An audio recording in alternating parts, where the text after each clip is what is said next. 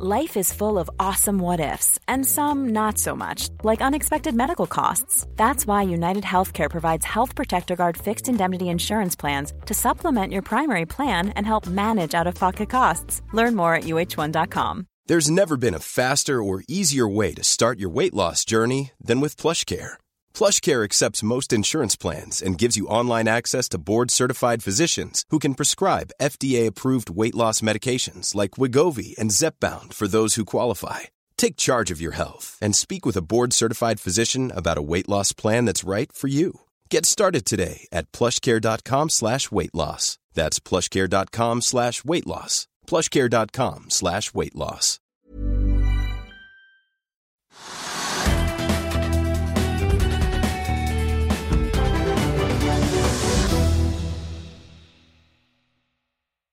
Velkommen til Økonominyhetene. I dag besøk av Bjarne Schjelderup, som er råvaresjef i SEB. Men først så skal vi til Oslo Børs. Og akkurat i dag er stemningen knallrød på Oslo Børs. Vi er ned 2,4% Roger Berntsen i Nordnett peker på at Oslo Børs i likhet med børser verden over er i korreksjonsmodus. Det er kun én aksje i all time high i dag. Det er Voss veksellån. Og mens all time low så finner vi Borr Drilling, Element, Next Biometrics og bl.a. Bank Norwegian. Oljeprisen står i 59,6 dollar per fat brent olje. Og vi har jo med oss en råvaresjef som også følger markedet veldig tett. Velkommen til oss, Bjørne Schjelderup. Takk, takk. Kort, hva er det vi ser eh, helt kort før vi skal over på det spennende råvaremarkedet og spesielt gull i dag? Hva er det vi ser skjer på verdensbørsen akkurat nå? Ja, altså vi hadde en liten lysning i går hvor vi fikk eh, utsettelse av noen eh, eh, straffetariffer fra USAs side mot Kina. Og Det ga jo inntrykk av at her var Donald på, på tilbudssiden og, og, prøvde å komme kineserne til, til møte. Og så spratt jo børsen opp, og oljeprisen spratt opp. Og så etterpå så fikk vi da høre at nei, kanskje Donald Trump tenker at USA bør melde seg ut av World Trade Organization. Og det er jo absolutt alt mot alt som heter økende internasjonal handel. Og, og, så På morgenen i dag så får vi da dårlige tall fra Kina. på Industriproduksjonen vokser bare 4,8% Og i Europa så ser vi at industriproduksjonen er vel ned 2,6% år for år. Så, så, dårlig statistikk eh, og i tillegg dårlige signaler fra Donald Trump. Og så mister man helt eh, troa på at dette skal gå bra, og så peker pilene videre nedover. Så det at vi er i et korreksjonsmodus, at vi må belage oss på volatile tider fremover, og at børsene kan falle mer, er det et eh, realistisk scenario? Altså, det er utrolig uforutsigbart når, når, Donald Trump sitter og tvitrer én eh, ting den ene dagen og litt den annen ting den andre dagen. Men, men overordnet så ser vi jo at uh, pilene peker nedover på makrosituasjonen. Altså Ledende indikatorer peker nedover. Eh, uh, PMI peker nedover. nå hadde vi også da dårlige tall på industriproduksjon som peker nedover. Så, så på en måte vi, vi er jo i en nedadgående trend. Uh, og, og, det er jo der markedet på en måte er, er, sterkt uenig med Powell, som sa at uh, vi er i en mid-cycle uh, rate cut adjustment. Ja, Man måtte ikke forvente seg noe mange rentekutt. Det var bare altså, en liten pust i bakken, nærmest. Ja, altså. for her er fortsatt realsituasjonen ganske bra. var liksom tanken i slutten av juli. Vi, liksom, faktiske data som vi har på bordet, ser relativt bra ut. Så vi skal bare kutte litt bare for å være føre var. Mens markedet har en helt annen oppfattelse av situasjonen. At dette her, pilene virkelig peker nedover. Så her skal man være på en aggressiv rentekuttbane. Og, da så vi at, at uh, tiårsrenten begynte å svekke seg kraftig etter uh, de signalene fra Powell. Og egentlig med på en måte uh, fortolkningen at Powell er behind the curve. Altså Verden er, beveger seg mot en mye dystrere virkelighet enn det Powell har tatt inn over seg. Eh, og, og, så dagen etter 1.8 så trådde jo da Donald Trump til i tillegg med å, å, å si at nå ble det 10% tariff på 300 milliarder dollar av varehandel med Kina. Og så så du bare at tiårsrenten bare falt rett i bakken og ned til 1,6 eh, er vel under 1,6 nå, vel nesten. Men eh, vi, da må vi over til et, et, tema som kanskje kan være litt mer spennende oppi alt som er uh, dystert og negativt akkurat nå. Fordi at uh, i forgårs, på tirsdag, nei i går var det vel, nei mandag var det, så hadde vi uh, gullprisen oppe i 15,27 altså 1527 dollar per unse. Mm. veldig lenge siden vi har sett de nivåene, og i dag er den på 1515 dollar per unse. Ja. hva er det som trigger denne oppgangen i gullprisen akkurat nå? Altså, Gullprisen har gått sidelengs veldig lenge, rundt sånn 1300, 1250-1350 dollar i ganske lang tid. Eh, men egentlig så har gullprisen vært veldig sterk. fordi det som har skjedd var at, at, Dollaren har jo styrket seg mer og mer. Og så har gullprisen holdt seg uforandret istedenfor å gå ned. Så har gullprisen holdt seg uforandret i dollartermer. Så det vi har sett er at, at i alle andre valutaer enn dollar, så har jo gullprisen styrket seg og styrket seg og styrket seg. Så vi har jo egentlig hatt en ekstremt sterk gullprisutvikling over lengre tid, men ikke i dollartermer. Um, og jeg skrev en artikkel i Finansavisen i uh, tidlig februar i år. så ser jeg at det er mørke skyer på makrohimmelen. Eh, og hvis vi nå kommer i en situasjon hvor verdens sentralbanker må til å stimulere ytterligere i en situasjon hvor de enda ikke har kommet seg ut av stimulansene fra finanskrisen, så beveger vi oss mot dype negative realrenter. Og det er ekstremt bullish for gullprisen. Og da skal gullprisen opp. Og nå er vi kommet akkurat der. Vi ser jo at realrentene i spotmarkedet de er jo solid negative realrenter i veldig mange steder i verden. Eh, men nå ser vi også i økende grad at realrentene er negative på tiårsrenter. Så hvis du tar nominell rente minus inflasjon, så er du negativt territorium. Det er klart at Da taper du reelt sett penger på å eie statsobligasjoner. Det er mange som vil kjøpe statsobligasjoner i en sånn situasjon hvis de tror at rentene skal falle enda mer. For da vil de jo da ha noe hvor de taper løpende realrente, men fordi renten skal videre ned, så kommer de til å tjene mer penger på obligasjonsverdien som skal videre opp.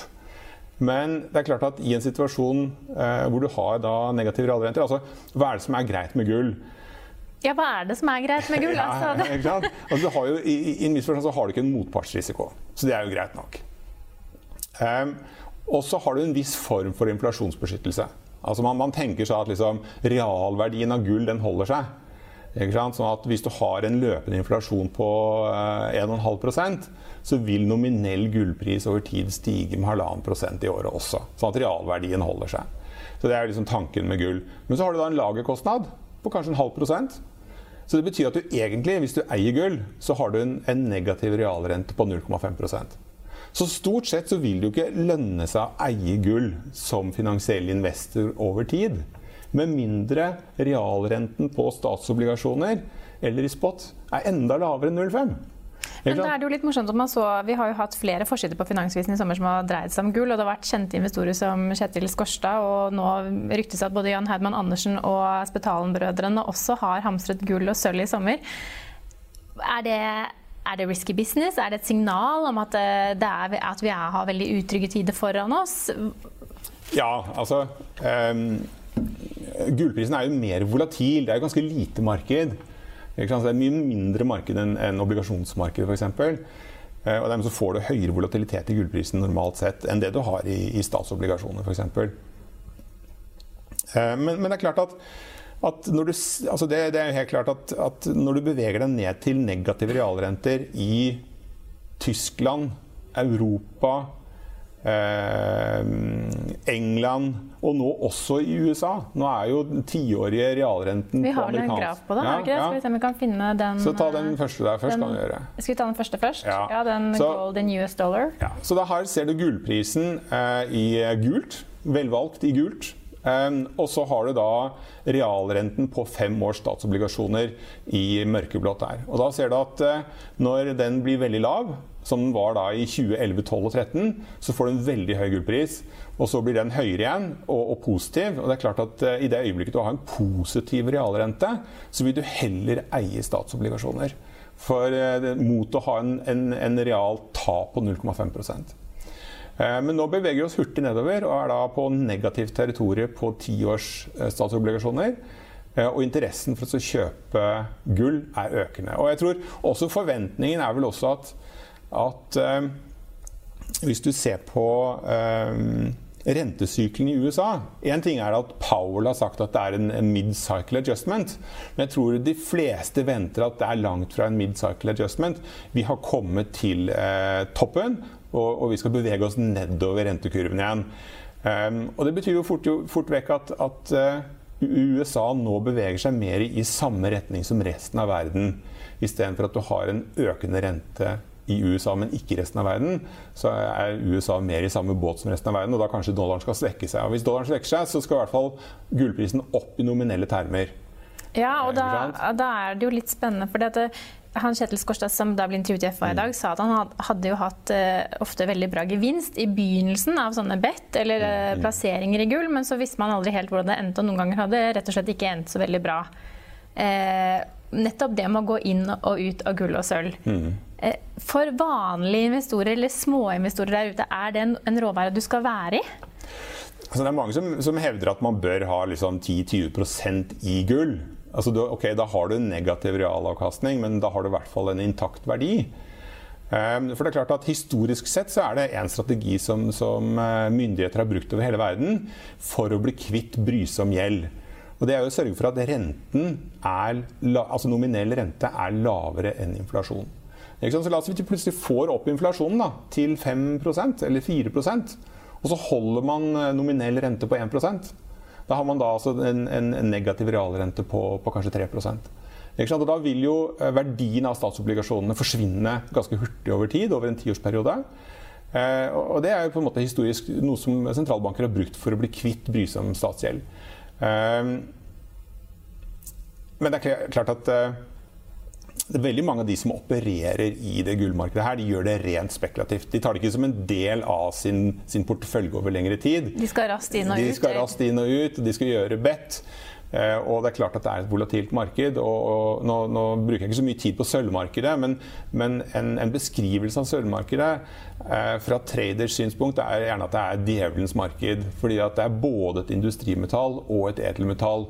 Sånn at det kan re, re, eh, oppføre seg helt forskjellig på de samme tingene. Noen ganger så oppfører det seg som industrimetall og, og, og gå bra på økende industriaktivitet. Og andre ganger så reagerer det kun som edelmetall. Eh, og Dermed så blir det veldig uforutsigbart. Men det er mange som handler da gull som en, eh, eller sølv som en rate mot gull. Da. Altså, nå er sølv relativt billig i forhold til gull, så nå skal du kjøpe sølv osv. Du har også en grafe som viser da gullprisen i ulike valutaer. Eh, her er det vel US dollars og svenske og norske kroner. Men det som er litt interessant er at man ser at gullprisen var vel i all time high rundt mai 2011. Ja, I dollar så var den all time high i 2011. Eh, men så har jo dollaren styrket seg med 30 Nå er det kanskje bare 20 20-30 ehm, Mens hvis du da ser i de nesten alle andre valutaer, så er det på all time high. Norske kroner, svenske kroner, japanske yen og, og indiske rupi. Alle disse valutaene så er det all time high eh, notering nominelt i, i, i gullprisen. Det er klart at eh, Når vi nå også får negative realrenter på fem- og tiåringer i USA, og en lavere rentebane i USA, eh, og kanskje også en svakere dollar, så kommer vi ganske sikkert til å se um, også all time high i amerikanske dollar. Men, eh, men, det er jo liksom gitt scenario at vi fortsetter å bevege oss med negative piler på makrosituasjonen og på handelssituasjonen mellom USA og, og, og, Kina. Vi hadde jo en viss innledning til dette med handelssituasjonen. Det høres ut som at vi må belage oss på at det ikke blir noen avklaring der med det første. Noen har jo signalisert at det bør komme en avklaring før presidentvalget i USA i 2020, hvis, eh, hvis Donald Trump skal ha noen sjanse til å vinne. Eh, betyr det at for de som er litt interessert i gull, med den, de renteutsiktene og den usikkerheten i forhold til handelskrig, at gull kan være et trygt sted å være en liten stund til? Ja, det, jo, liksom, det er jo typisk. Altså, når jeg skrev om gull i, i februar, altså, da syntes jo alle det var dritkjedelig. Så det er ingen som vil høre om noe som er interessant når det er interessant. Det er kun når prisen har gått opp at, at alle vil snakke om det og høre om det. Nå har jo på en måte prisen gått kraftig opp. Eh, så han har jo gjort et hopp. Så nå å hive seg inn er jo alltid risky etter at du har fått den første store bevegelsen. Men, men, men øh, øh, Altså, det, det, ser vel ut som, som, som at øh, sentralbankene må på banen med en eller annen form for stimulanse. Uh, så, så, hvis jeg skulle bette noe, så ville jeg bette på at gullprisen skal videre opp. Og Har du selv tradet eller investert i gull noen gang? Nei, ikke, ikke i noe særlig utstrekning. Eh, og, og, det er klart at eh, hvis du ser på verdien av gullproduksjonen per år kontra verdien av råoljeproduksjonen per år, så er eh, den verdien ca. ti ganger så stor for olje som for gull. Sånn gull er et ganske lite marked, og, og vi har jo ikke spesielt, eh, noen, noen, spesiell inntekt på gull som råvare i banken. Altså, det er veldig lite som knytter seg til gull. Eh, vi har en del platina palladium på bilindustri og, og, og industri generelt. Kanskje 10% av gullproduksjonen i verden brukes til industri per år. 50 eh, er smykker, så vi har litt sånn smykkehedging fra noen smykkeprodusenter som trenger å hedge gull.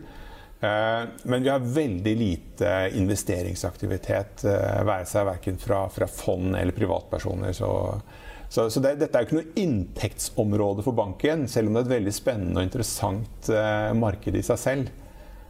Så, så, det er litt synd. Skulle ønske at det var, var en viktig inntektskilde for banken. Kunne brukt mye mer tid på gull. Ja, Det hjelper jo litt at man har kjendisinvestorer som går inn i rååren, da, for ja. det skaper jo definitivt mye mer publisitet. Tusen takk for anledningen til å være gjest hos oss i dag. Vi skal minne om at Hegnar-podden er tilgjengelig på hegnar.no. Der kan du se våre børskommentarer og du kan høre våre børskommentarer og gjesteintervjuer hver dag.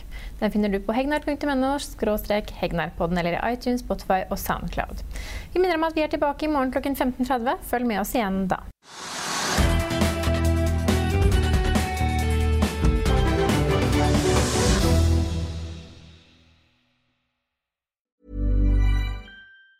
Hey, it's Danny Pellegrino from Everything Iconic.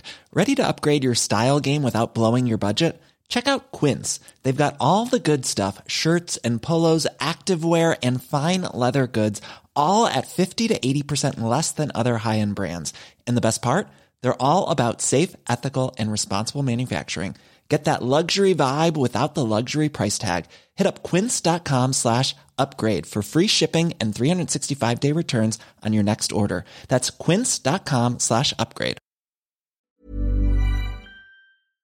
Økonominyhetene er en podkast fra Finansavisen. Programledere er Marius Lorentzen, Stein Ove Haugen og Benedikte Storm Bamvik. Produsenter er Lars Brenden Skram og Bashar Johar.